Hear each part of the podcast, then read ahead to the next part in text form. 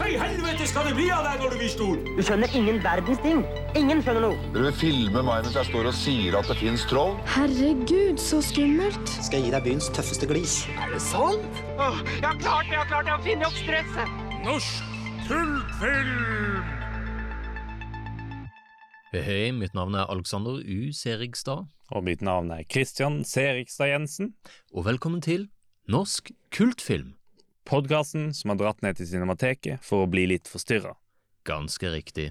I januar i år satte Forstyrra filmsalong på Cinemateket opp den norske actionthrilleren Weekend fra 1998 med manusforfatter Arne Berggren og regissør Erik Gustavsson til stede. Og vi tok turen for å dekke denne visninga, så vi snakka jo da med både Berggren og Gustavsson, og tok også opp spørsmålsrunden som var leda av Kai Olsen og Håkon Tunstvedt fra Forstyrra filmsalong. Og det er disse opptakene dere skal få høre nå i denne episoden. Og når vi selvfølgelig først var der nede, så måtte jeg jo ta med meg VHS-kopien min av Weekend. Ja. Og i håp om å få den signert av alle som er der. Altså av de som er med på filmen, da, ikke publikum. Nei. ja, vi får jo vente og se, eller høre, om du får det til. Og så kanskje vi også kan finne ut av er Weekend egentlig en prequel-film til Weekend at Bernies? Ja, kanskje det. Kanskje det. Men ja, åssen film er egentlig denne her Weekend? Altså, det er jo en thriller om det ustabile paret TK og Allan som kidnapper ei jente og får politiet etter seg. Og med frenetisk klipperytme à la MTV og et elektronisk lydspor av Randall Myers er det en av de mest energiske norske filmene fra sin tid.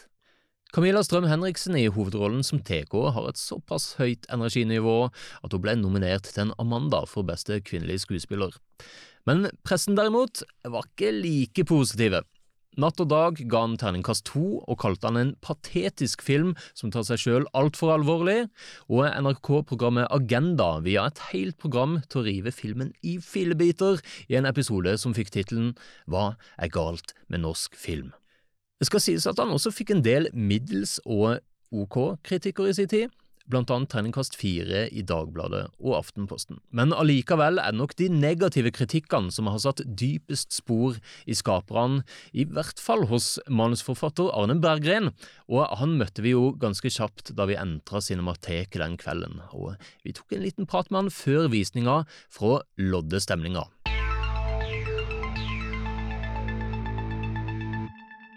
Da sitter vi her på Cinemateket med Arne Berggren, altså manusforfatter av Weekend. Men ikke bare det, du har noe til felles med meg og Christian, for du er jo også podcaster. Og står bak eh, podkasten Story Collab. Ja, Story Collab. Story Collab. Jeg har kjørt amerikansk og engelsk hele veien. Weekend. Som du driver da med Kristine Berg, Ja. som er en uh, veldig god podkast. Jeg tror jeg har hørt bortimot alle episodene. Yes, ja. Så jeg, jeg følger med. Ja. Eh, Jeg syns det er en veldig fin podkast, for det føles som å bare sitte på bakrommet sammen med noen som jobber som manusforfattere i den norske Ja. eh, TV-bransjen. og, og slenge dritt på en så høflig måte som mulig. Ja, men det er det jeg jo liker. Den, den litt sånn rett fra levra eh, men samtidig på en smakfull måte, da. Ja, men herlig, takk skal du ha. Men ja, du er jo en veteran som eh, manusforfatter innenfor norsk TV, altså Outlier, eh, Hotell Cæsar, mange episoder, og eh, Etaten, og en kan jo ramse opp mange. Men eh, første spillefilm var vel den antologifilmen 'Pust på meg'? Ja, 'Pust på meg, som var novellefilmer. Merkelig prosjekt. Veldig norsk film. Tom Revlov som skulle på en måte skulle løfte det kunstneriske nivået, tror jeg, litt på norsk film. Ikke Eh, sant? og gjorde vel, satte sammen en merkelig gruppe mennesker. Uh, som uh, Veldig sånn opptatt av forfattere, tror jeg. At det var greia. Så det var sånn en, en, en ny tid. Uh, ja, der gjorde jeg ting. Syns det var veldig spennende med film. Altså TV-drama var på en måte Det var ikke noe man snakket om at man gjorde på den tiden. Men det var absolutt up and coming. Men det var ingen som sa 'Å ja, faen, jobber med TV-drama'. Wow. Jeg liker Sopranos. Liksom, det hadde ikke kommet ennå. Nei, ikke sant. ikke sant. Nei, for Det ble jo litt sånn der eh, TV-drama fikk jo en annen status etter liksom, ikke sant, HBO og Sopranos og alle de her kom. liksom. Ja, jeg synes jo, men jeg syns jo det var eh, Jeg lærte jævla mye av å jobbe med Erik. Altså, vi skrev det manuset sammen. Eh, Ja, til Weekend. til. Weekend. Ja. Weekend. Ja, weekend. Igjen med engelske titler. der. Kjør der, der, Story der har, har. Weekend. Ja, ja, ja. Men, men jeg, jeg oppdaget jo etter hvert at Det kom, det kom et uttrykks... En, en, et format som var TV, hvor eh, jeg hadde gjort litt, grann, allerede fått litt erfaring. Der var forfatterne konger. Eh, der hadde man en helt annen innflytelse og kontroll. Jeg opplevde vel ganske raskt at det å skrive film, det var ikke så gøy for en forfattertype som meg. Eh, så ja, så jeg har ikke gjort noe spillefilm etter det.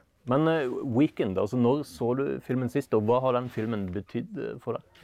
Jeg uh, så den sist på premieren. Mm. Da var jeg Tror jeg var full. Uh, jeg, jeg vet jeg var full. Ja. Og, og visste hvordan dette kom til å gå. Fordi at uh, man hadde gjennomslakta fire sånne på rad. Eh, sånn thrillere, grøssere. Eh, og så kommer Var vel livredd, og i hvert fall Mørkets øy, som hadde vært i forkant. Ja, alt Celofan sikkert òg. alt det, alt, det man, ja, ja? Alt, alt det man hatet med den typen filmer, visste jeg jo at det kommer dobbelt så mye av det i, i Weekend. Så jeg drakk meg opp og gikk og så på den. Etter det har jeg ikke sett den. Den har ikke vært tilgjengelig. Eh, jeg vil vel si at den Jeg lærte jævlig mye av den. Man lærer jo av feil. Eh, og mm, jeg lærte veldig mye. Det var en sånn manusskole. Jeg jobbet med Erik. Eh, og han hadde en trøkk og en, en, en måte å tilnærme seg dette på som var eh, ja, var veldig mye å lære av det. Jeg gjorde jo alle feilene man kan gjøre, men han retta de aller verste.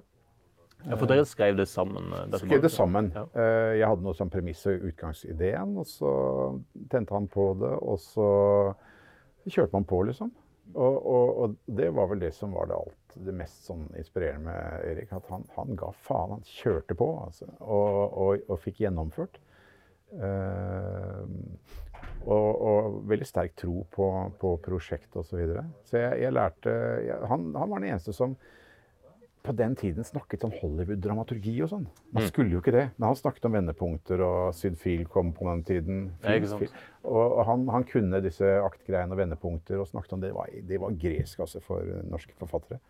Så det var, eh, det var eh, veldig inspirerende. Så jeg, jeg lærte veldig mye. Eh, Men jeg gikk jo rundt med en slags sånn Folk, det var veldig mange som brukte mye energi på, på å knuse den filmen. Eh, og, jeg gikk jo rundt med en sånn skamfølelse på en eller annen måte. Eh, og har ikke hatt lyst til å jobbe med film etter det, eh, rett og slett. Så det var egentlig det det betydde. Jeg så jo, ja Jeg var veldig overrasket over hvor mye aggresjon som liksom kunne, kunne, kunne komme ut av det. At det var en del humor, at man kan tryne med en film på et eller annet måte, eller at den kan få dårlige kritikker. Det, sånn er, det er jo en del av alt man skriver, eller absolutt vil selge et eller annet produkt, eller skape ting som andre skal like. Det går jo ikke alltid bra, eh, så det er jo en nyttig erfaring. Man blir litt herda. Men jeg må jo si etterpå at eh, jeg så en, den der dokumentaren som ble laget på NRK, som egentlig bare handlet om å ta den filmen Det var programmet Agenda, vel, og programmet het uh, 'Hva er galt med norsk film?' eller noe i den gata. Ja, og den, den, det var jo et morsomt premiss, og sånn, men, men det handlet bare om å ta den filmen. Eh, og jeg så den, den så jeg om igjen her nå. Jeg syns det var interessant å se. Altså, den, Ja, For der er du jo intervjua. ja, de holdt på i faen meg fire timer. Eh, og jeg klippet på en måte som Det er samme som vi også skal gjøre her. eller? Ja, ikke sant? ja, uh, men dette er en podkast, og da klipper man ikke. Gjør man det? Men, men, eh, nei, men, men jeg holdt på jævlig lenge, og det man skulle frem til, var jo at jeg egentlig opplever at man skulle frem til at jeg tok en form for selvkritikk, mens Erik Gustavsson ble klippet som en som på en måte ikke reflekterte noe over filmen og hva som funka eller ikke. Altså, så det, var, det var et haraball, ja. Det var det. Det gjorde inntrykk. Ja, men det, det virker som nesten altså 90-tallet for norsk film. Lager du en norsk film på 90-tallet, må det ha vært den sånn verste tida å slippe en film, for at ironigenerasjonen er i gang, og eh, norsk film blir kødda med, liksom. Ja, bare ordet norsk film på den tiden kunne er ikke si det. Liksom. Det, var, det er humor. Så, men, men det er jo veldig gøy, det tror jeg var Erik, at eh, nei, vi, vi faen, vi tar sjansen. Vi ser liksom altså det, det der å liksom måtte slikke på håndtak i 20 kuldegrader for å se hva som skjer og sånn, altså det, det, det, det, det var vel litt begge to. Så, så, men det, er, det var høyrisikosport. Altså man burde jo ikke jeg ville jo bli jævlig seriøs forfatter. Jeg ville på en måte gjerne kunne jeg godt tenke meg å bli Jon Fosse eller noe sånt. Bortsett fra han var ikke helt oppfunnet på den tiden. Men, men, men, men Og da er det jo ikke sånne ting du gjør. Du går ikke og lager, du går ikke og skriver eller jobber med norsk film. Du gjør jo ikke det. Men, men, Men det er rart, da. Man må liksom. Men du har ikke sett han siden premieren i 1998. Nei. Altså, hva, hva er følelsene dine rundt å se han igjen nå? Uh, jeg tror det blir veldig den igjen. Eh, og jeg, jeg uh, Det er spent. Det er jo sikkert ikke så jævlig mange i salen, men, men jeg tror det er veldig sånn alders uh, generasjonsmessig hvordan man reagerer på den. Hvis man vil komme og se en kalkun og le av, av replikker som er i overkant uh, søkklastet med eksistensiell mening, så er jo de der. Og det er utrolig hva jeg greide å skrive at folk kunne si i en del situasjoner. Det gruer jeg meg litt til å se igjen. Der kan det godt komme latter, særlig hvis folk har lest om filmen og kjenner den fra forhånd. Eh, men jeg, jeg er spent på Jeg er spent på Jeg så den jo i klippen mange ganger. Jeg tror det er ganske mye som holder, eller var inter interessante måter å klippe det på. Jeg tror det er ålreit foto osv. Så, videre. så jeg, jeg grugleder meg litt. Men eh, du sa jo i stad at eh, den ikke har vært tilgjengelig siden den kom på kino. Vet- Og det, st det stemmer jo ikke helt. Nei, har den det? For vi har den jo på VHS her. Har du den på VHS? Jeg har aldri sett den på VHS.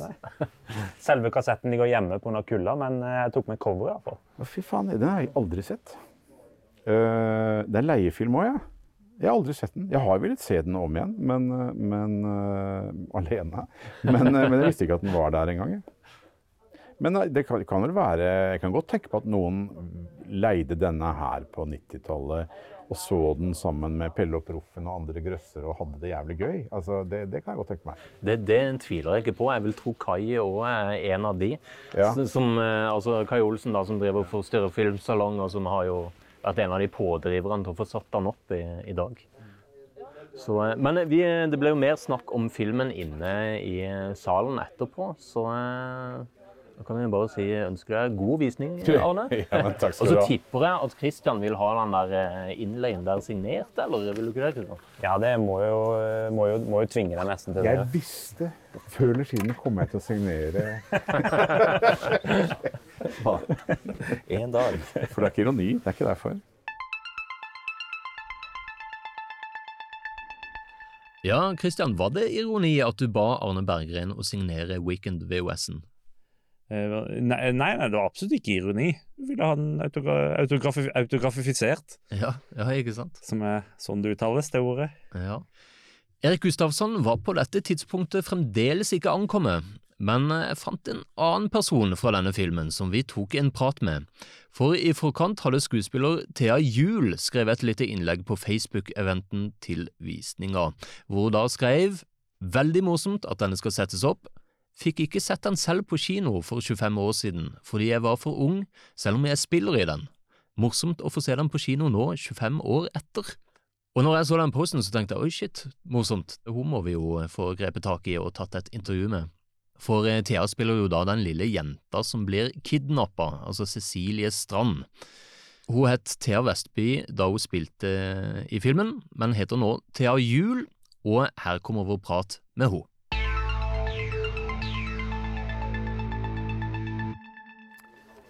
Yes, vi sitter her med Thea Juel, som spiller eh, Cecilie Strand i Weekend.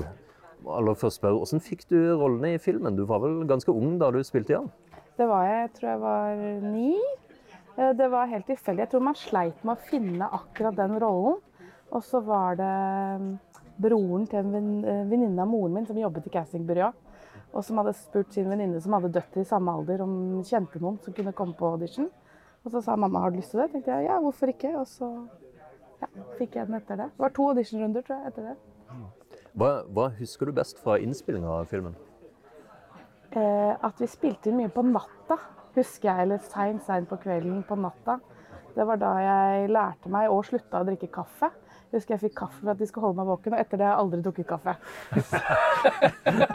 Så det husker jeg mye. Og det ble jeg godt tatt vare på. Jeg var det eneste barnet på settet, men det var en veldig fin stemning og ble veldig godt tatt vare på der, da. Og eh, så du han da han gikk på kino? Jeg var på premieren, men jeg måtte gå ut når filmen begynte, for den hadde 15-16-årsgrense. Jeg fikk ikke lov til å se den, for jeg var da 9-10. Så jeg fikk lov til å gå på rødløperen og få blomster i kinnsalen, og så ble jeg geleidet ut igjen. Ja. Og så så jeg den på VHS sammen med pappa eh, når den kom på VHS etterpå. Da fikk jeg lov til å se den da. Denne VHS-en. Ja, den VHS-en der. Og så eh, ble den borte en eller annen gang, og så fant min tante en DVD-versjon mange år etterpå. Å ja. Som hun bestilte fra Kina. Ulovlig kopi med kinesiske tekster. Så den har jeg hjemme. Ikke sant? En kinesisk bootleg Ja. av Weekend. Ja, den, eh, den var ikke klar over eksisterte. Den må vi spore opp. Hun bestilte den via Hawaii til Norge. Så den, Herlig. Men eh, hvordan var opplevelsen din da du endelig fikk se filmen? det var jo Altså, det er jo en del Det var rart. Men jeg, de var veldig gode underveis i innspillingen å inkludere meg i alt. For det er jo en del ekle scener som for en niåring kan være ganske ubehagelig. Men jeg husker at de tok meg med på alt og viste når han ene får en sånn pil gjennom halsen, så var jeg med på hele den opplevelsen av når de satt på det. Så, så jeg ble ikke redd, det var ikke skummelt sånn, for jeg hadde sett alt skje fra A til Å. Så det var jo av morsomt å se. Ja, Mm. ja, for at det ikke skulle være ubehagelig for en niåring, for det er en del eh, ekkelt. Ikke sant? Og eh, nå så du han sist, og hvordan blir det å se han igjen nå? Eh, det er sikkert eh, 15-20 år siden jeg så den sist. Eh, mannen min, som jeg har vært sammen med i 11 år, her i dag. Han har aldri fått lov til å se den, så han gleder seg veldig. så, så det blir litt rart. Ja, ikke Ja, men eh, ja, det blir morsomt òg, sikkert. Jeg vet ikke om du har noe mer å tilføye? Du ville vel ha VHS-en din signert, eh, regner jeg med, Kristian? Ja, hvis jeg får lov til det. Selvfølgelig. Ja, men da må du si tusen takk for praten, Thea. Og så eh, ser vi fram til visninger nå her hvert øyeblikk. Ja. Så vi får eh, møtt Erik også før eh, det hele setter i gang.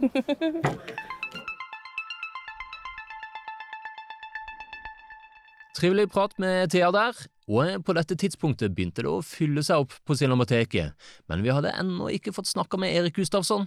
Men like i forkant så dukka han opp, og her kommer vår prat med han.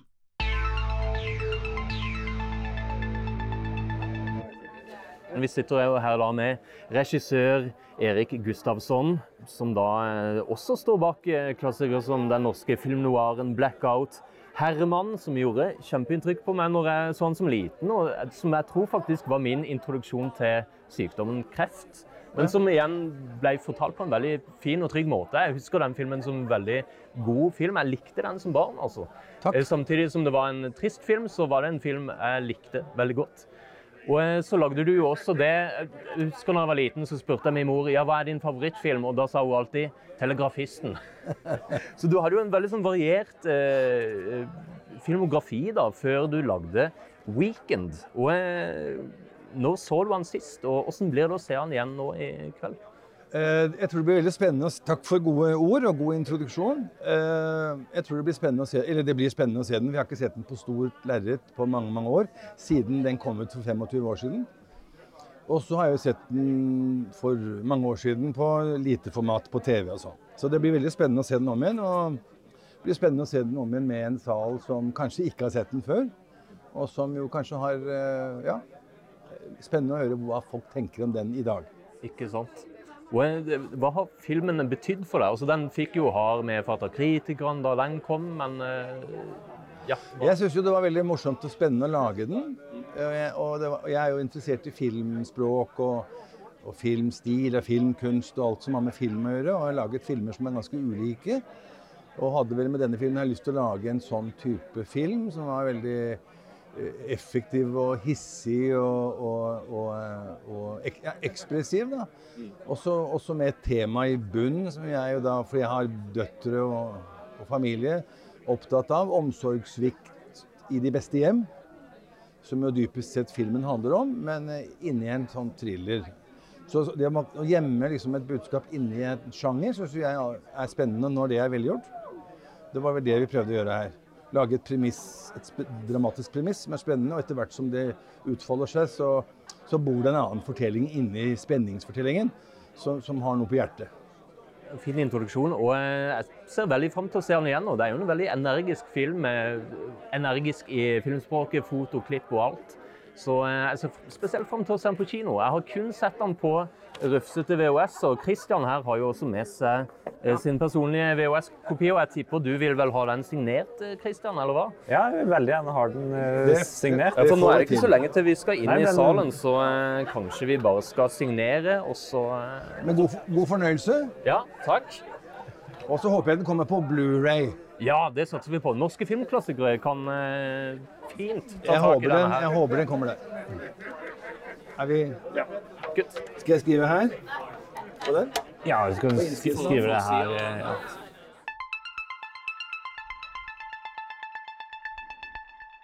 På dette tidspunktet begynte folk å trekke seg inn i salen, og vi gikk inn og fant våre seter. Og hadde det ikke vært for at Hard Boiled av John Woo ble vist i nabosalen, så hadde det nok vært enda flere i storsalen der på Cinemateket. Litt uheldig at de ble satt opp samtidig. Ja, men det var en greit oppmøte, kanskje halvfull sal. Og eh, filmen ble da innleda av Torgeir Blok fra Cinema, og det var litt eh, interessant, for jeg er blitt intervjua av han eh, for sånn eh, åtte år siden. Da skrev han en artikkel om eh, VHS-samlere i eh, Cinema, hvor han da intervjua meg i forbindelse med filmjunkene og vår fokus på sånn nostalgi og VHS og den slags. Men ja, sorry Torgeir, jeg skulle jo egentlig sagt takk for sist, men det virka ikke som noen av oss eh, kjente igjen hverandre. Men han gjorde da en nydelig innledning til filmen, og her kommer den.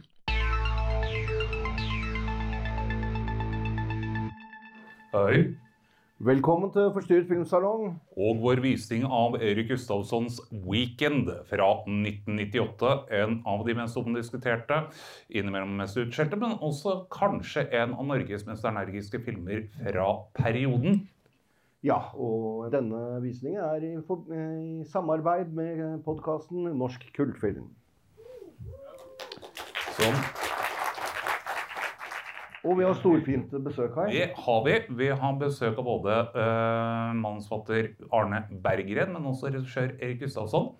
Men før det så har Torgeir Blok fra Cinema lyst til å komme oss introdusere og sette tonen for hele visningen. Fordi dette er en film han har veldig mange fine og sterke meninger om. Velkommen, Torgeir.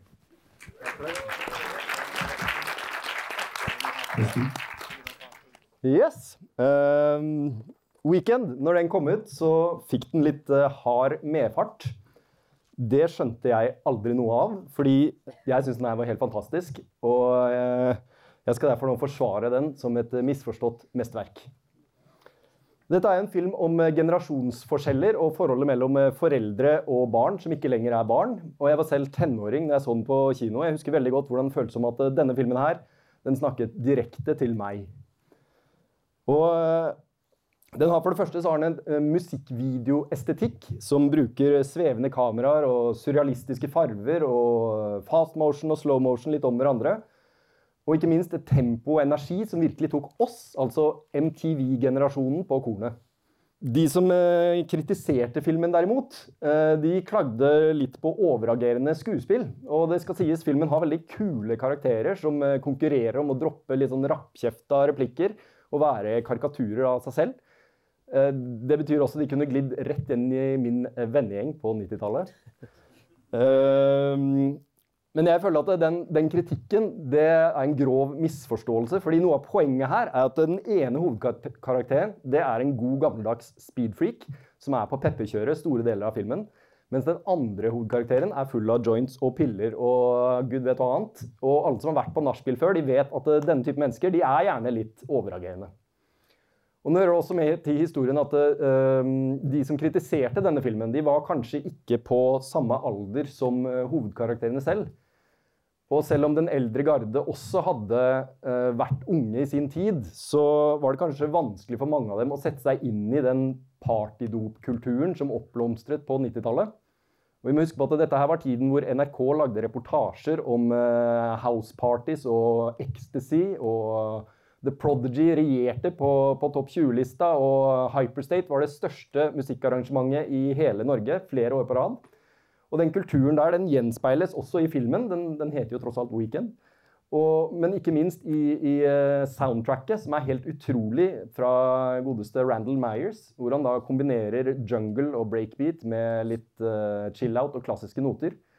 Og det å høre denne type musikken i en norsk film, det var utrolig stort. For det gjorde at den skilte seg veldig ut fra gamle Vam og Vennerød og Olsenbanden, for den saks skyld. Og, og, selvfølgelig, sånn som det alltid er, når det kommer en ny musikkstil som uh, unge mennesker virkelig faller for, så var det veldig riktig at uh, foreldregenerasjonen skulle kritisere dette her. For det skjønte de jo ingenting av. Men dette her var en film som, som tok 90-tallets opprørske tenåringer på kornet, og, og, viste hvordan det var å føle at du bodde i et seirumpa samfunn som ikke hadde fått med seg at tiden hadde gått videre. Og eh, akkurat som Easy Riders, Kids og også Trainspotting, så illustrerte den uh, perfekt hvordan det var å føle at du ikke passa inn i fortidens idealer og kulturnormer. Uh, og heller må bane sin egen turbulente vei. Og det var bare noen av grunnene til at jeg er kjempefan av denne filmen. Og da gleder jeg meg utrolig til å få lov til å gjenoppleve min ungdomstid på Stor lerret. Takk.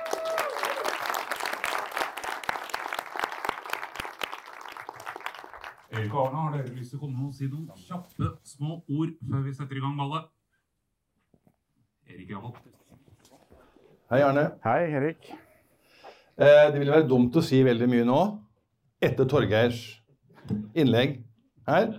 For bedre kan det jo ikke bli, sett fra mitt synspunkt. Tusen takk, Torgeir. Det var veldig gøy og godt og fint å høre i forkant av visningen.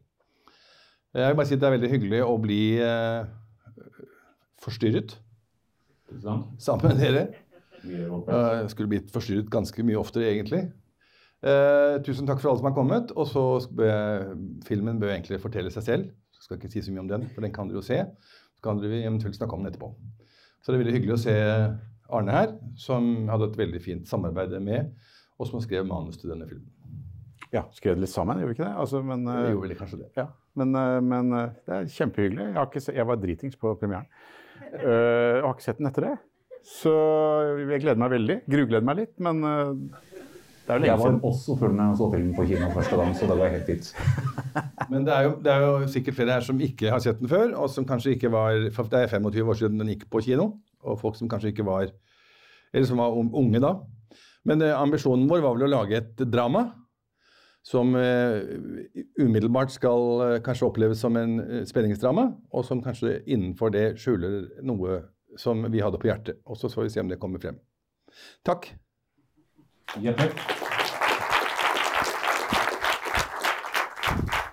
Da blir det som sagt en Q&A etter filmen med Arne og Erik. Og ikke minst gi en stor applaus til kveldens maskinist, Hans Erik.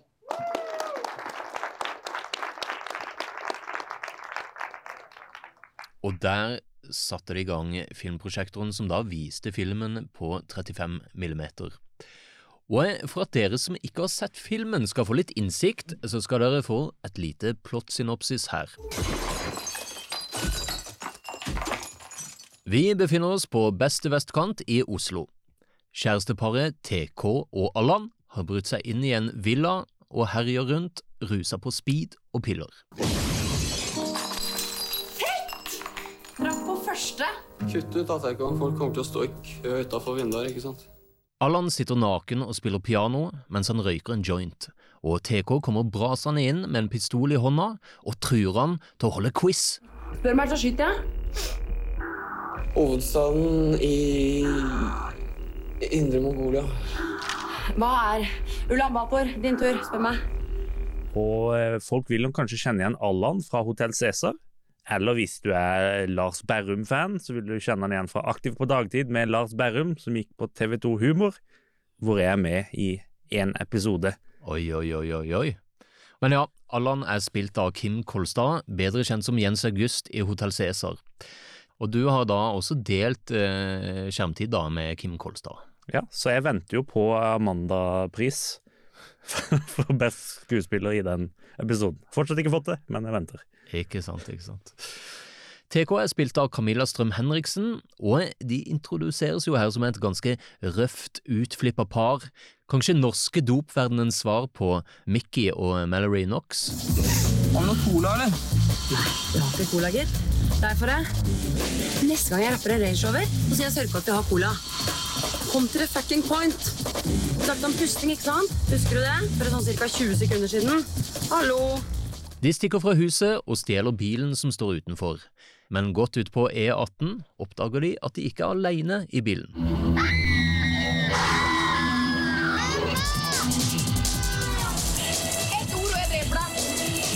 Dattera til eieren av villaen ligger i baksetet. Cecilie Strand. Ja, Hun er jo spilt av Thea, som vi, som vi intervjua. Stemmer. Og de bestemmer seg for å kidnappe henne og flykter ut til ei lita bygd ved kysten. Hallo! Skal vi se strafferammen her, da? Kidnapping? Løspenger og sånn? Bortført av mafiaen i bagasjerom og parkert partert i fire biter. Familien til jenta kontakter straks politiet, og de opptar jakten etter TK og Allan.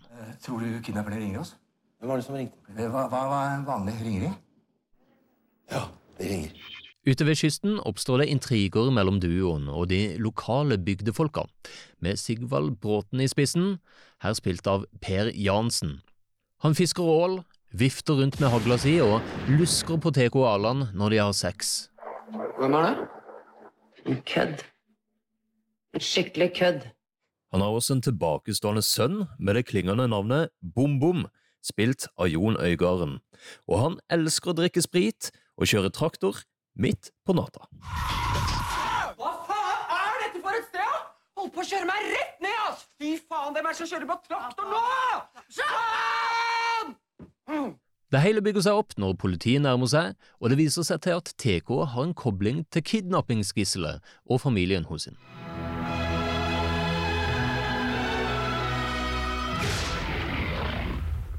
Etter filmen var det Q&A med regissør Erik Gustavsson og manusforfatter Arne Berggren.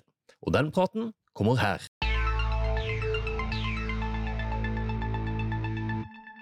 Gi en applaus til både Erik og Arne for filmen her. Og som dere to, Hvis dere to begge to er veldig snille og kommer ned hit, så skal vi ta en liten eh, prat om Weekend. Etter dere har blitt mikket opp av Alex og Christian. Så tror jeg vi egentlig kan begynne. Ja, eh, dette var jo interessant å se for første gang på 25 år for min del, sånn ordentlig på kino. Eh, Jeg så den jo når den kom, og dette var jo da eh, en ganske beryktet film i sin samtid. Men hvordan start, før vi går inn på mottagelsen, hvordan startet hele prosessen med å få denne filmen her i gang? Jeg husker det som at er en av grunnen så Jeg tror Erik hadde invitert meg Jeg visste at du satt på Theatercaféen for at det skulle være ordentlig mytologisk. Ja, ja. Men så, så, så sa du eh, Du har ikke et godt dramatisk premiss, tror jeg du sa. Et eller annet sånt. Altså, ja, hva faen mener du? Uh, og så en eller annen situasjon som på en måte kan, kan uh, gå videre. Som, uh, som en kan dra en hel film på. Noe som er en vedvarende, et vedvarende problem, en konflikt. Og så tror jeg jeg jugde litt der og da. Så at, ja, men hva da med, med noen som har brutt seg inn i et hus og som, som, som stjeler bilen? Og så viser det seg at det er en unge i bilen. Og der begynte det vel. Og fra da gikk jeg egentlig i filmskole. Mm. Eh, for han fyren her var ganske sånn Han var den eneste som egentlig ga litt faen i konvensjoner. Og han snakket veldig mye om Hollywood-dramaturgi. Han snakket om treaktsprinsipper og sånne ting som ingen snakket om ute på norsk film. Han var eh, eh, både hemningsløs, kommersiell, samtidig så var det i den prosessen en voldsom frihet som, som jeg aldri har hatt siden i forhold til å skrive. Og så tok han og kappa huet av meg et par ganger når det gikk for langt der. Eller, man ser jo at det er en manusforfatter med veldig, veldig mye på hjertet. Det er mye eksistensiell monolog her. Men, men, det var ikke så ille som jeg, jeg husket. Men, men jeg, jeg, ser jo noen av feilene som også Erik påpekte. Jeg ser veldig mange av feilene jeg, jeg gjorde da. Så jeg tenker det gjør jeg faen meg ennå. Altså, men samtidig så, så var det en grenseløs frihet. Uh, og en, og en, sånn mentor som veiledet meg som manusforfatter. Jeg fikk lov å bomme, og samtidig så, så tilførte det veldig mye av det som funker her, som er Eriks greier. eh, på manussiden også. Og jeg må bare si, i denne strømmen av bevissthet som kommer her nå, så må jeg si at eh, fy faen så mange arrangementer og så mye man ikke hadde sett på norsk film før denne. Når man sitter og ser nå, vet jeg mer om produksjon og budsjetter. Det var et lavt budsjett på denne filmen. Hva Erik fikk ut av, av, av penga, og hvor mye utrolig tungvinte arrangementer eh, man ser. Nå svarer jeg ikke på det du spurte om. det er bare Nei, siste, siste tanke. er, der, og der er manus litt òg. Nei, men også så sitter jeg og tenker Faen ta eh, anmelderne. For dette er åpenbart Det er masse ting man ser. Erik ser mer enn meg, men jeg ser jo hundrevis av ting som oh, Det kom i feil rekkefølge. Dette burde vært skrevet annerledes, den monologen. Han er litt sånn proppfullt og potent her. Men det er jo en fabel, og jeg husker Det er et eventyr, det er et sånt eh, Heart of Darkness-greie. Det, det er et sagn. Men anmelderne syns jeg husker, Erik, i den grad jeg leste anmeldelsene For jeg liksom, man fikk så jævla juling at man leste ikke aviser på en stund. altså. Eh, og de hadde stor makt, men de anmeldte dette her som De var særlig opptatt av at man var slemme mot de fastboende. Det er så typisk det urbane blikket på, Mot bygda. Mot bygda. Og det, det er jo så åpenbart humor. Det er så tatt så langt, og dette foregår inni noens hode. Jeg syns det var jævlig gøy å se Jon Øigarden. Ja. Eh, bom, bom. Men, eh, men jeg, nei, dette syns jeg var uh, mye bedre enn jeg hadde trodd. Fryktet. Uh, det er faktisk uh, ganske mye bra her, altså. Ja, ja. Skal jeg Det, eh, Du hadde jo skrevet eh, en del romaner når vi traff hverandre. Og ungdomsromaner også. Og om ungdomsproblematikk, og, og veldig god observatør av unge menneskers hverdag og liv og skjebner og, og liksom tonefall. Så det, det var en naturlig samarbeidspartner. Så ble vi liksom litt giret på å gjøre dette her sammen, som du har forklart. Men dette med premiss er jo, er jo viktig at du har en situasjon som, som rommer en hel film, eller, rommer, som kan generere mye ny konflikt og mye ny informasjon som skaper ny spenning. Og dette at vi da, eh, i stedet for å fortelle hvem de personene er, og hva, hva er konteksten for det vi ser i starten, som man jo ofte vil gjøre, fordi man gjerne vil redegjøre for hvordan alt skal foregå, så er jo hele tvisten her at vi ikke avdekker det før langt ut i filmen. Så er spørsmålet kanskje at det er litt for langt ut i filmen, men, eh, men i hvert fall eh, den har et iboende premiss, fordi at uh, hovedpersonen er jo både på en måte uh, overgrepspersonen eller fienden, men også på en måte helten i, i, i drama. Etter hvert som vi forstår konteksten og grunnen til hennes handlinger. Hvor, eh, familie, hvor tidlig kom familiedrama inn i prosessen her? Ja, så jeg var jo er far til to døtre og bodde på, i Bærum. Og syns jeg jeg så mye av det rundt meg. Eh, altså foreldre som kjøper seg fri fra Både fe fedre som kjøper seg fri, som gifter seg på nytt og glemmer det forrige familien sin. Og, og kanskje er sjenerøs på det materielle og sånn, men, men, men det er masse, masse familier rundt, omkring, også i de beste familier, som, som har sånne Ja, som har skjebner som ikke er helt ulike dette. Satt på spissen, selvfølgelig. Så omsorgssvikt Nå begynte ikke vi dette samarbeidet med liksom, vi må lage en film om omsorgssvikt, men det var et premiss og en mulighet for å skape en spenningsfortelling som kunne inneholde dette som jeg var opptatt av. Av andre ting som man er opptatt av. Men når man har døtre i den brytningsfasen selv, så er man opptatt av det fordi man ser det litt rundt seg. Og det var verdt å, å lage en film med det som et slags uh, grunntema. Og det, det kom vel liksom litt til etter hvert som vi snakket om dette. Så ja. Er fordi det er jo som du ser på Det er også litt forklart i selve filmen, med at eh, TK i begynnelsen har en litt mer sånn østkant eh, hva er det skal si, eh, Litt mer rølpete form å prate på. Og når de prater med faren, så blir det veldig litt formelt. Det er en liten detalj som jeg først la merke til nå, Ja, ja. etter å ha sett den på så lenge. At du går fra liksom kulen av Rone, og så går hun til å bli veldig Bærum veldig Oslo vest eh, i måten hun prater med faren. Eh, Men igjen, det er også det som jeg liker med filmen, som står eh, litt mer sterkere, det er at filmen ikke forteller alt i begynnelsen. For det var jo et veldig problem med det som var sånn typisk norsk film anførselstegn. på den tiden var jo mye av kritikken gikk av at man forklarte litt for mye i norsk film, og så kommer denne her og uh, ikke gir alt på en gang. Ja, nei, vi, var jo opptatt av det, og, og det er jo det et, vi begge to i og for seg sikkert, jeg sier begge, på vegne av begge to, liker med gode filmer at de er smarte. At ikke de forteller alt med en gang, så at du skjønne måte skjønner hvor alt skal før vi etter hvert har bruk for å vite det. Og så at du får ny næring til drama ved at det kommer ny informasjon til som faller på plass og etter hvert gir mening.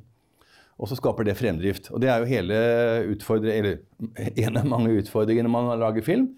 Det er jo å skape fremdrift. Og så er det jo spesielt i første akten, når man har slått an tonene og på en måte vist det første, eller det første dramatiske anslaget som gjør at du får publikum interessert, det er jo å få publikum eh, informert.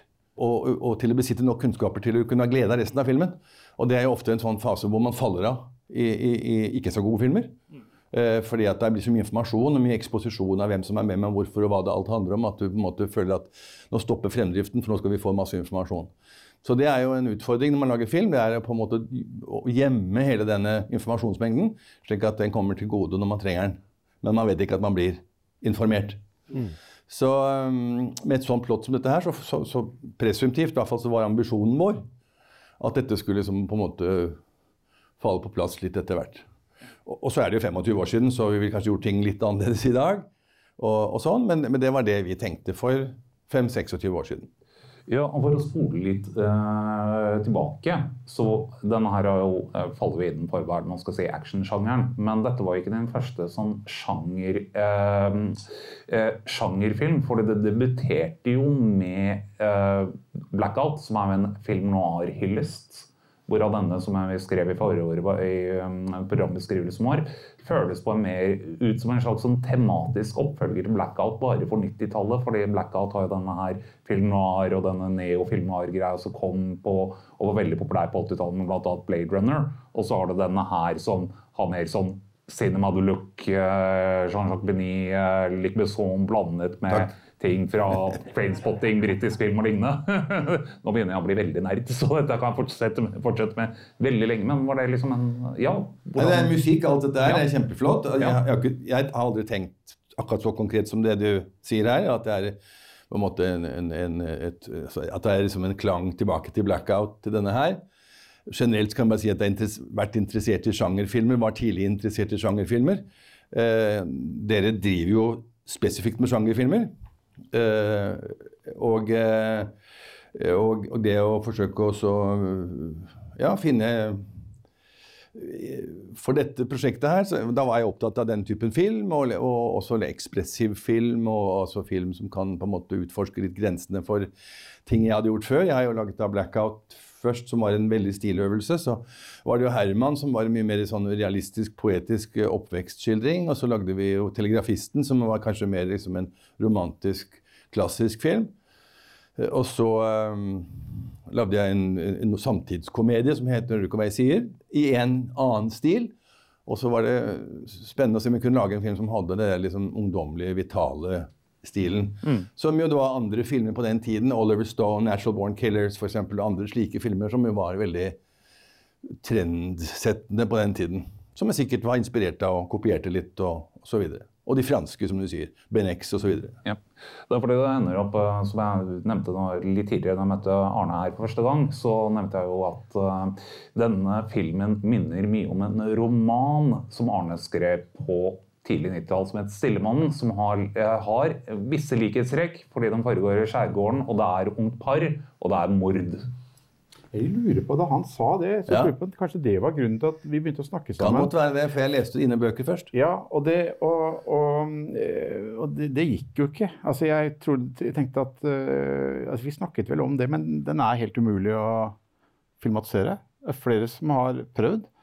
Så jeg har fått opsjonspenger en del ganger. Men jeg vet jo at det går ikke. Altså det, uh, men så, så, så, ja, det er hyggelig at du ja, jeg leste, leste boken når den kom, og det slo meg igjen. jeg tok den Ja, Det var sikkert grunnen, det. altså, for det, var jo, det er en stund siden, dette her. Mm. Men vi snakket, vi, vi, undersøkte jo hverandres arbeider, og så ble vi opptatt av hverandres ting. og så Det førte jo til at vi da hadde lyst til å gjøre noe sammen. Mm. Så alt i alt så var dette her sikkert en del av, av grunnen for det. Mm. For det, begynner jo litt, da begynner vi å komme inn på det som var selve mottagelsen. fordi dette her ble jo ikke godt mottatt, spesielt ikke etter at det hadde gjort det. Så var et eh, ganske bra eh, I sin tid ganske mottatt Trekløver, som var både Herman eh, telegrafisten. De to er jo vært på flere topp 10-lister over de beste norske filmene noensinne. Og hører ikke hva jeg sier som også ble godt mottatt, og så kommer dette her, og så blir det fullstendig eh, Noe treffer vifta, for å si det sånn. Ja.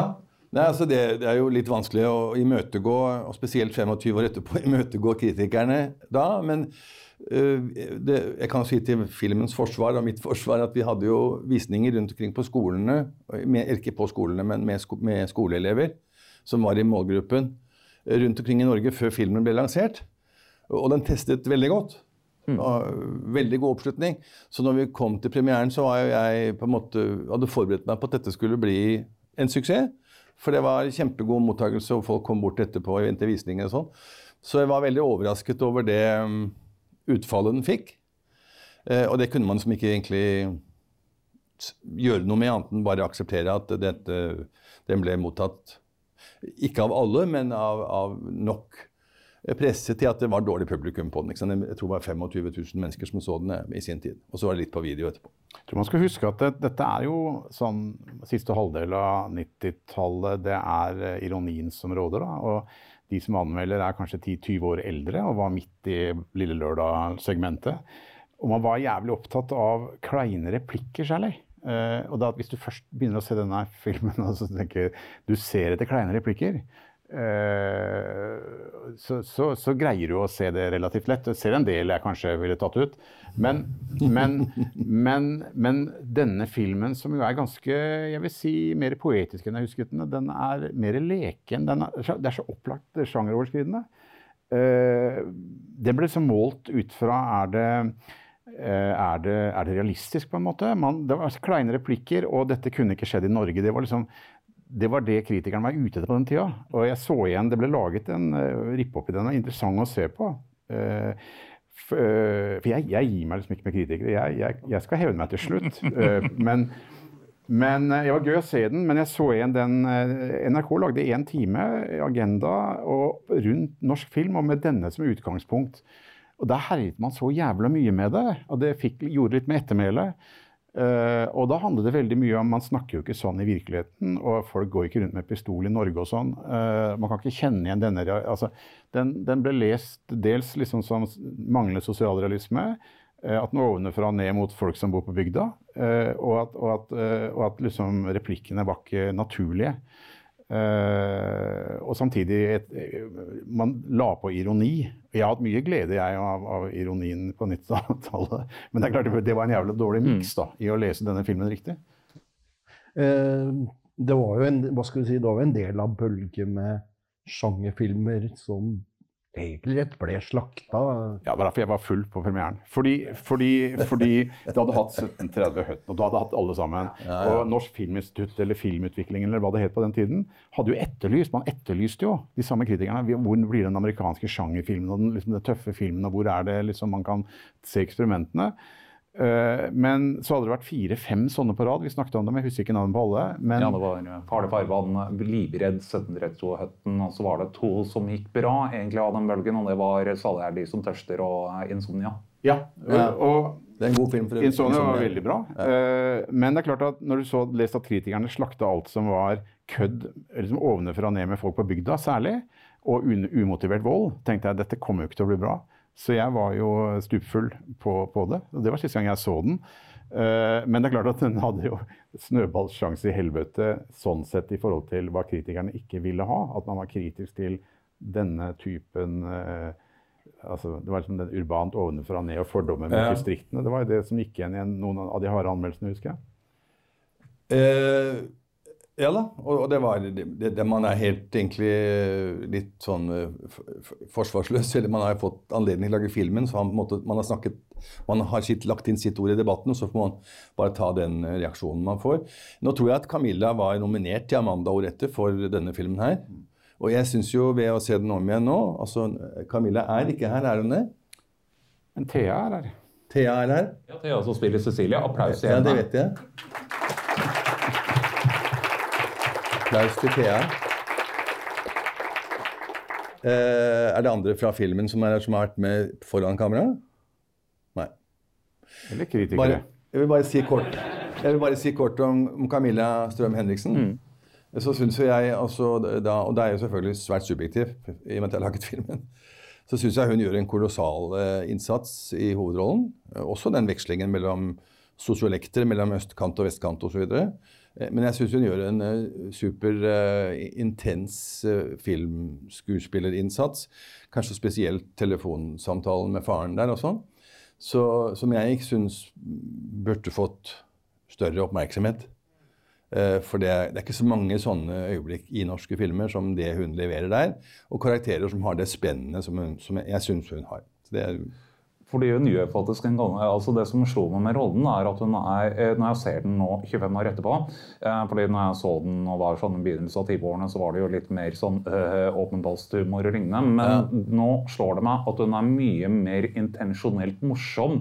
Eh, Blant annet en av mine favorittscener tar jeg noen appersa, som hun greier å levere veldig bra. Ja, ja, ja.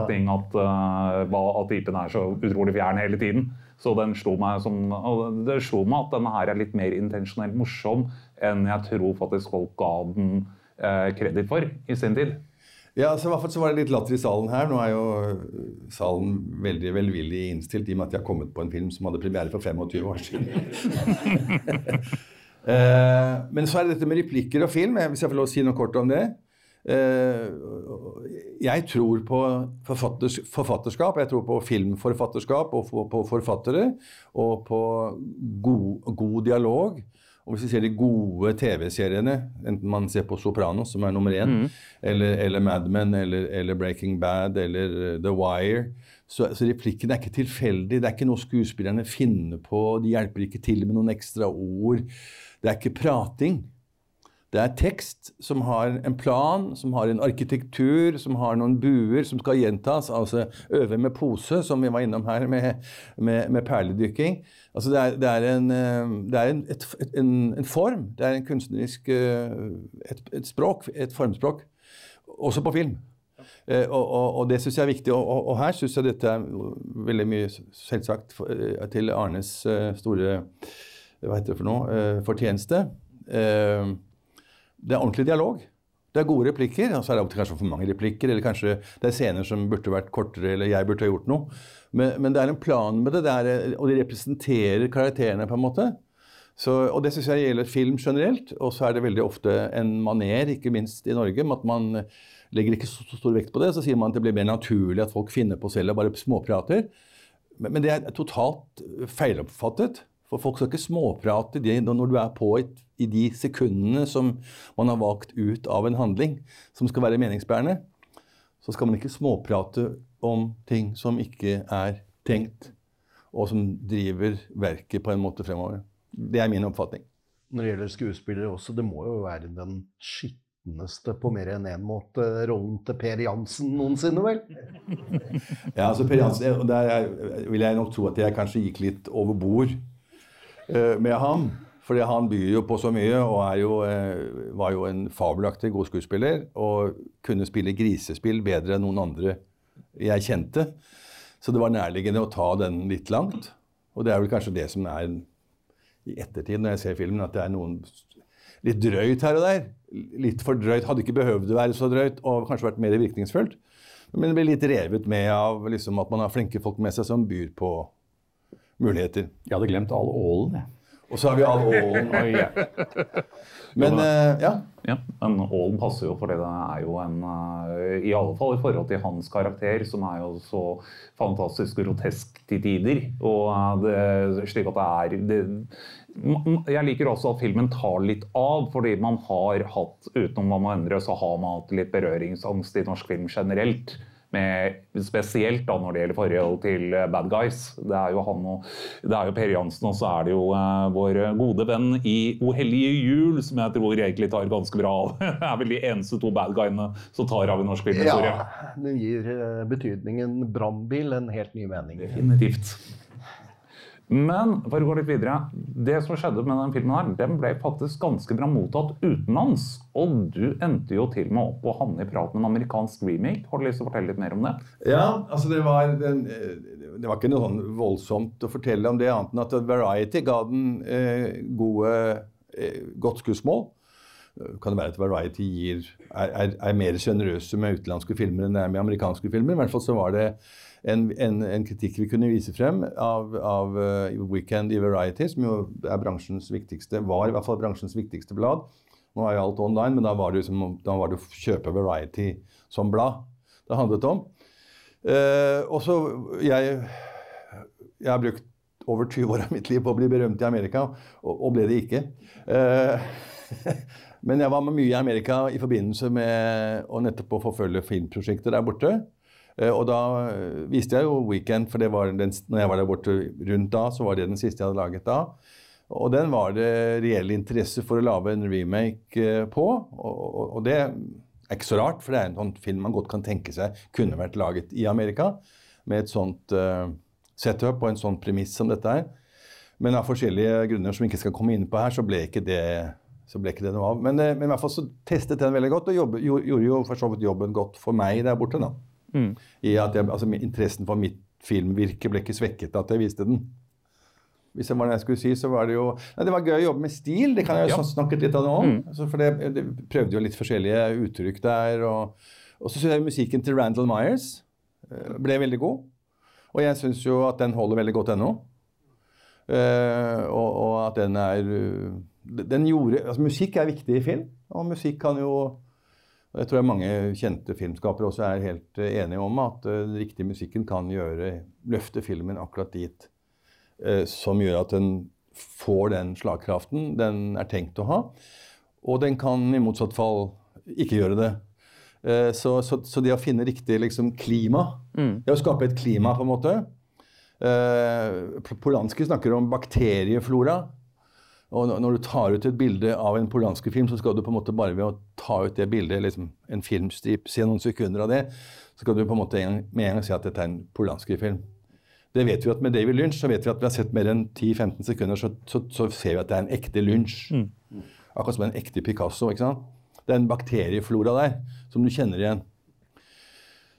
Og, og, musikk bidrar jo. Musikk og kamerabruk og klipp, selvfølgelig. altså Vekslingen mellom tid, som er klipp, altså hvordan du juxtaposer tidsforløpet, og, og bruken av, av, hvordan kamera oppfører seg, og hva lyden, musikken, gjør. Som jo da skaper denne kjemien som er film, som er helt unik for film, og som ikke ligner roman eller ligner noe annet. Nå snakker jeg meg litt ut av temaet her, men jeg er interessert i det. Eh, så er jo eh, musikken veldig viktig for å skape klima, altså en, en, en atmosfære som er distinkt den filmen. Uh, og det syns jeg Randall klarte å gi oss i denne filmen. Mm. Det er fordi det som slår meg med filmen her, eh, Mye bøygen i norsk film har alltid vært lyd. Det nevnte jo også da Paul Bang-Hansen i boken eh, om innspilling av Douglas, Dager med Douglas, at det var norsk lyd, eh, eller, lyd på norsk film har alltid vært problematisk. Men her så sitter den ganske bra. Ja. Nei, jeg, jeg Både lyddesignet. Ja, altså, og der er jo Randall også med som lyddesigner. Og det er jo noe som vi var opptatt av. Vi har jobbet sammen på, på filmer helt siden Herman. Så det altså, å ha en komponist og musiker uh, som øverste ansvarlige for lydbildet mm. totalt sett. For det er jo av og til så tar du bort en lyd, og så putter du musikk der i stedet. Eller du tar bort musikken og har en annen lyd. Eller, altså, alle som har sett en Sergio Leone-film, vet uh, liksom uh, hvordan lyd og musikk på en måte er i samme partituret. Mm. Du velger bare ulike deler av det når du, når du, behøver det, eller du tar det helt bort. Så um, veldig nært samarbeid med ham da, over flere filmer. Så han har bidratt veldig for mitt filmvirke. Bidratt til å skape de filmene jeg har laget, med, med hans uh, både gode øye og, og liksom talent. Så ble jeg veldig positivt overrasket over klippen. Jeg husker jo Watt Thomsen, som jo har klippet veldig mye bra seinere også. Ja. Men det, det, er jo ganske dristig. Det er ganske interessant hva du har fått han til å gjøre, eller hva dere har gjort sammen. Jeg syns jo særlig partinemann med Marit Jacobsen uh, At hun presenteres liksom fra to-tre dramatiske Fra point of view forskjellige måter. Plutselig ja. så kommer hun, og så er det Ja, jeg synes det, det er jævla dristig på den tiden i forhold til et ungt publikum å dekonstruere såpass mye. Overrasker meg. Det likte jeg veldig godt å se igjen. Det har jo selvsagt med, med Hva skal jeg si Det har jo med drugs å gjøre. Det har jo med altså, kulturen, som jeg også har vokst opp i, naturlig nok. Ja, altså Det var Erik som introduserte meg for altså det, det, å være skrev, som jo da de er her i, i, i store perioder av filmen, også preger jo måten perception av hva som skjer når og hvordan det skjer. Og, og du får forsinkelse, og du har parallelt, og du har uh, ting som blir proporsjonalt større enn i virkeligheten er, og i en realistisk kontekst vil det være. Sånn, så du forrykker hele realismen. så det ser du jo også i, i mange gode filmer laget uh, av, av, kjente filmskapere, at de har hele denne 70-tallskulturen, fra, fra, spesielt cannabiskulturen, har jo på en måte tatt en veldig viktig posisjon i språket film. Så film er jo det som ligner mest på drøm. Drømmens dramaturgi, på en måte. Altså, du, kan, du kan være et sted og et annet sted samtidig. og du kan være flere, altså Alt er mulig, egentlig. Det er ikke noen fysiske begrensninger. Det er ikke nødvendigvis tid involvert i å skifte identitet. Tar man uh, filmen til, til uh, altså Lost Highway ja. til David Lynch, hvor hovedpersonen faktisk skifter skuespiller. altså Etter en halv time så er det en helt annen skuespiller som skal fortsette å være den rollen. Som er perfekt logisk fra filmskaperens side, men som, som selvfølgelig er et, et, et, uttrykk for at man, man er på en helt annen Ta andre kunstneriske valg, da. Og jeg mener at disse kunstneriske valgene man da uh, tar i film uh, fra etter 60-70-tallet, er preget av uh, substanser.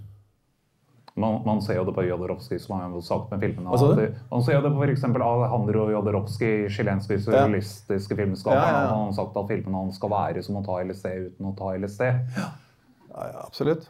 Så det er rock'n'roll-kulturen simpelthen, og sånn psykedelikakulturen, som jo er øh, som jo alle filmskapere i, i, min generasjon, altså som er født på 50-, 60-tallet, 70-tallet, sånn, som jo har, selvfølgelig er produkter av en sånn uh, motkultur. da. Ja. Jeg tror kanskje vi skal muligens åpne for noen spørsmål fra publikum. Ja. Takk for at dere hører på. Det er veldig morsomt å snakke med folk om noe man har laget, selv om det er 25 år siden. Nei, det, dere snakka om stil, og det var kjempespennende å høre om. fordi En ting som slo meg veldig under denne filmen, her var jo at dere hadde, var så nært på hele tida. Veldig mye nærbilder hele veien. Uh, og hvordan var det det stilvalget kom til? Og hva var det dere håpa å oppnå med det valget? Ja, altså, du, altså Nærbilder er jo noe som jo um, Det har vi lært av Bergman, alle som lager film i, i Norden. Altså intimismo. Den nærheten, altså det, det, mest uttrykksfulle bildet er det bildet som er i et menneskes fjes. Og jeg syns kanskje de mest uttrykksfulle bildene i denne filmen her, på tross av at det er mange snedige klipp og og, og steder og, og, inntrykk, så er de sterkeste bildene her er av Camilla i telefonen med faren sin. Når vi er inni her. Fordi det skjer noe som er dypt menneskelig. Og dypt berørende. I hvert fall så gjør det det for meg. Og i gode filmer så, så er det der det skjer. Og da kan det være så fett og fint og tøft og kult og uttenkt og alt mulig rundt. Eller, men det er liksom det aller sterkeste. Og, og så er det jo faktisk veldig budget-friendly å være i nærbildet. For du, ikke, du behøver ikke liksom å betale for 180 grader med miljø som skal passe i filmen, men du kan velge. Så for meg så er det Hvis det er der det skjer, så må, det, må du være der. Og da er det veldig ofte at du kan slippe å være alle de andre stedene. Og du kan slippe å introdusere og være først stort, og så halvstort, og så nært. F.eks. telefonkiosken, som jo er vel bare avslørt på byggekanten ut på tuppen der i ett bilde til slutten. Det er jo ikke noen telefonkiosk der sånn til vanligvis. Men det har vært kult å ha den kiosken der ute på den tuppen av den brygga. Du jobbet vel mer enn andre kanskje med storyboarding, Bruce Paramore, som jeg ble introdusert for. Utrolig mye av dette som er tegnet. Altså, som var Hele filmen er tegnet. Og, ja, og det, det, er jo faen meg et uh, grundig arbeid. Altså, jeg ble overrasket over hvor mye av det som faktisk ble tegnet, hvor det ble sånn på film. Ja, altså det, det er jo bare en metode. Det er jo ikke at det er en, en for meg så har det vært nyttig. Jeg har gjort det siden første filmen min. Så jeg tegner ca. 1000 tegninger, altså tegneserietegninger. Og da tegner jeg sammen med gjerne én bestemt tegner som jeg har jobbet sammen med mange filmer. Da tegner jeg litt sånn dårlig tegning, men han skjønner veldig godt han sitter, Vi sitter sammen. Og så kan vi da i løpet av en uke, ti dager, tegne et sted mellom 700 og 1000 tegninger. Som da blir rentegnet og fintegnet, så de kan vises frem i løpet av neste to-tre ukene. Og da har vi på en måte hele dreieboka tegnet som en tegneserie. Og da forsøker jeg å lage filmen deretter. Og er det gode nok argumenter og situasjonen eh, innbyr til det, så, så endrer vi selvsagt eh, plan.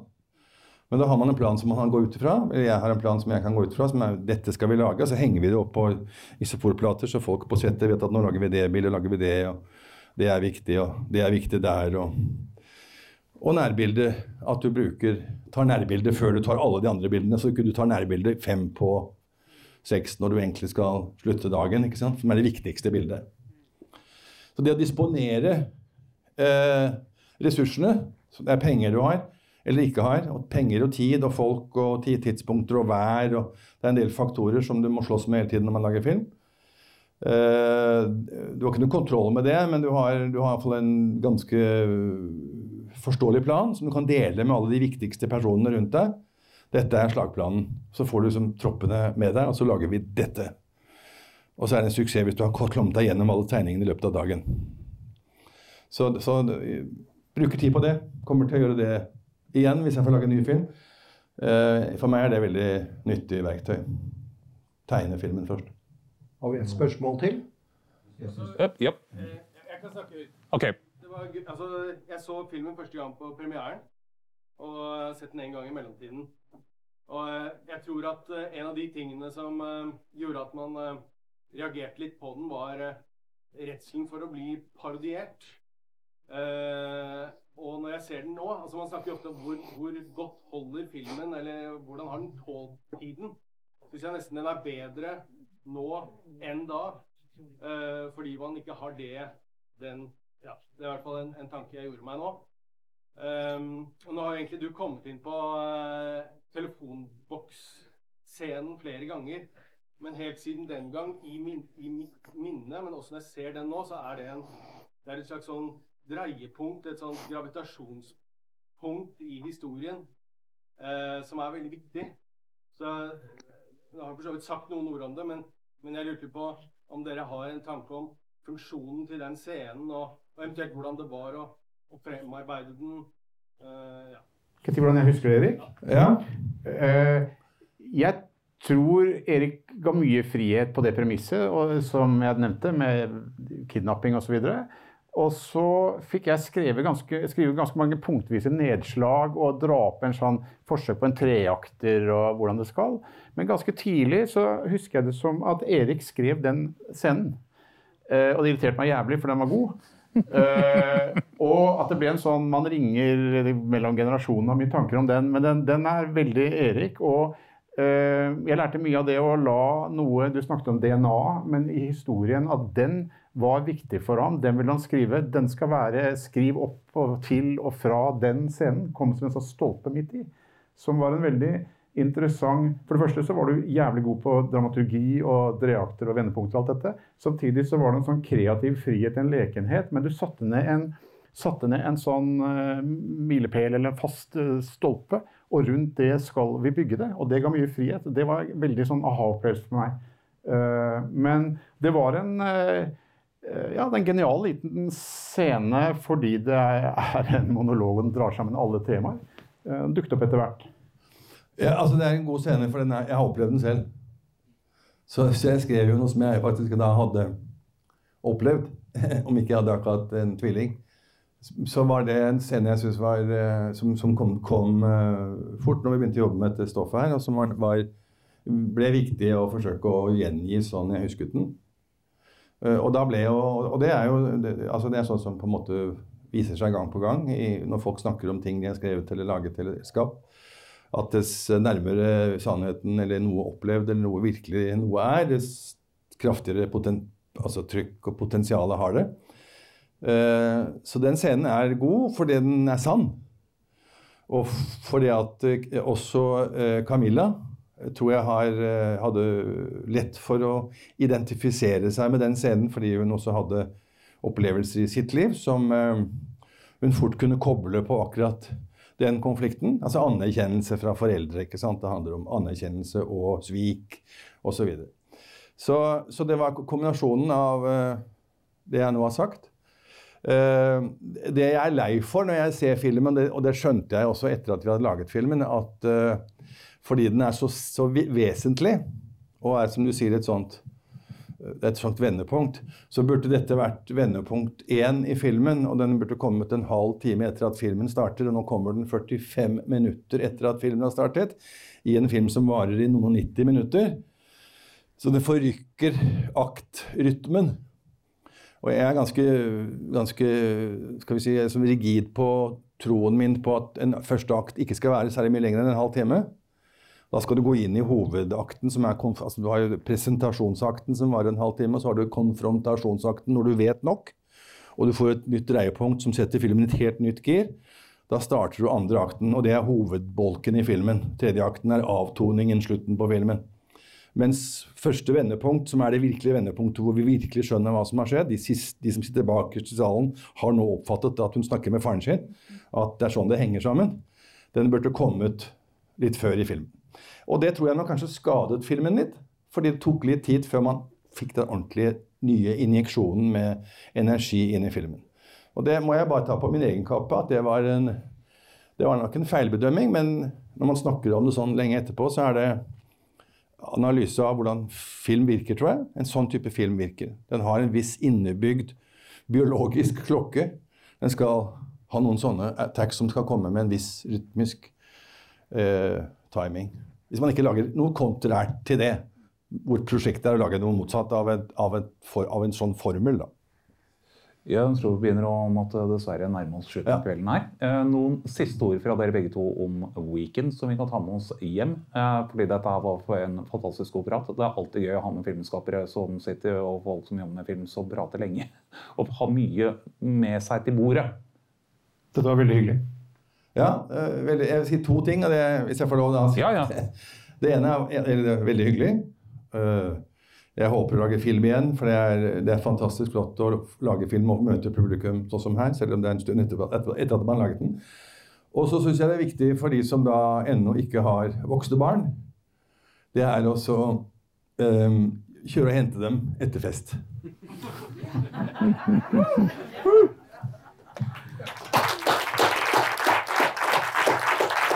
Jeg eh, si det, er, det er noe med hvordan man, man, man reagerer fortsatt på film og TV litt på samme måten i Norge. Eh, faktisk, det er Litt av den der ironien ligger der. litt. Man er, man er jævla redd for dette, Det var et godt, uh, godt uh, livsråd å komme der. Dette er litt mer surmaga.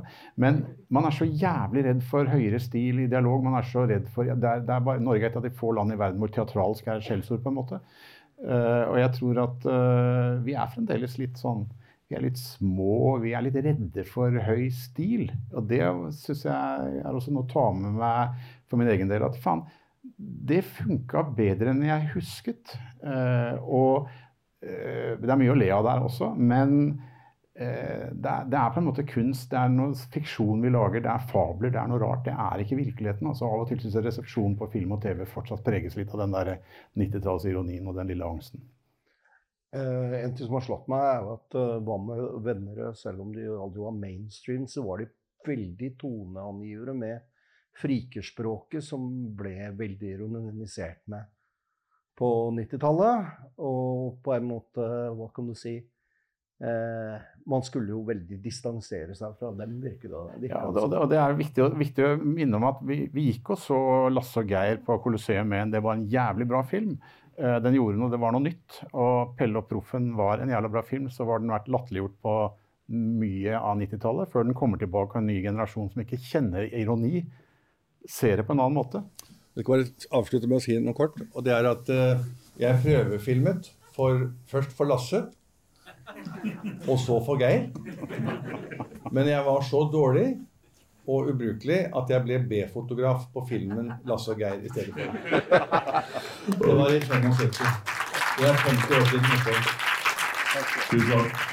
Applaus til Erik og Arne. Takk for at dere kom. Og eh, ta med dere glass, ta med dere alt søppelen. Så ses vi her i februar for Black Exploitation, vampyrklassikeren Blackula. Ha en god kveld. Da var vi ved veis ende. Og Hvordan var det for deg å se Weekend igjen på kino? Du hadde jo sett den én gang før. Ja, vi så den jo to uker før eh, hjemme hos meg fra, Mm. på, fra VHS-kassett. Og da likte jeg virkelig ikke filmen. For den hadde så ekstremt mye uh, sånn overeksponerte blåe scener. Det, bare, det føltes så, så kvalmende 90-talls ut. Men så så vi den på kino, Mm.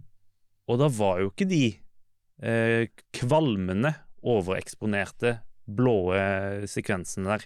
Selve sekvensene var der, men de hadde ikke På VHS-utgivelsen så har de lagt til ekstra farger. Det stemmer, det. De, altså, det var liksom forfriskende å se den på kino på 35 mm, for da var ikke de der fargefiltrene som av en eller annen grunn er med på denne VHS-kassetten.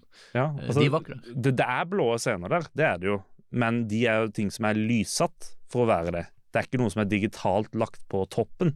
Mm. Eh, akkurat sam, Samme greien som er med eh, den første Matrix-filmen. Det er lyssatt grønt, men når det har kommet ut på andre formater enn laserdisk, så har de jo lagt til masse ekstra digital grønnfarger for å gjøre det tydeligere, som bare er Jeg blir så kvalmen av det. Men så når vi nå fikk sett den på kino Mm. På 35 mm. På 35 mm. Analog 35 mm. Å, fy faen, da var det en kul film. Og, Ja. og det hjalp at den var teksta. Nei, for Jeg hadde jo også sett han før, og jeg hadde litt sånn avslappa forhold til han. Sånn, ikke sånn eh, stor fan, men eh, satt pris på aspekter ved han. Men jeg, jeg likte han mye bedre sjøl når jeg så han på kino. Lydbildet kommer virkelig fram, og historiene Det hang mer med på historiene nå som jeg så han på kino. Det kan være hjulpet at jeg visste om plot-twisten, og dermed så flere detaljer da jeg så han eh, nå igjen på kino. Ja, det, det er også en ting som jeg har merka spesielt med de der eh, 90-talls eh. Det holder ikke å se det én gang. Du må se de to ganger for å egentlig sette pris på de. Ja, litt som 1732-høtten. Ja, 1732-høtten og Mørkets øy hadde jeg også samme opplevelse med. Likte den ikke egentlig første gang, så den en gang til, likte den mye bedre. Ikke sant? Sånn var det med Weekend også.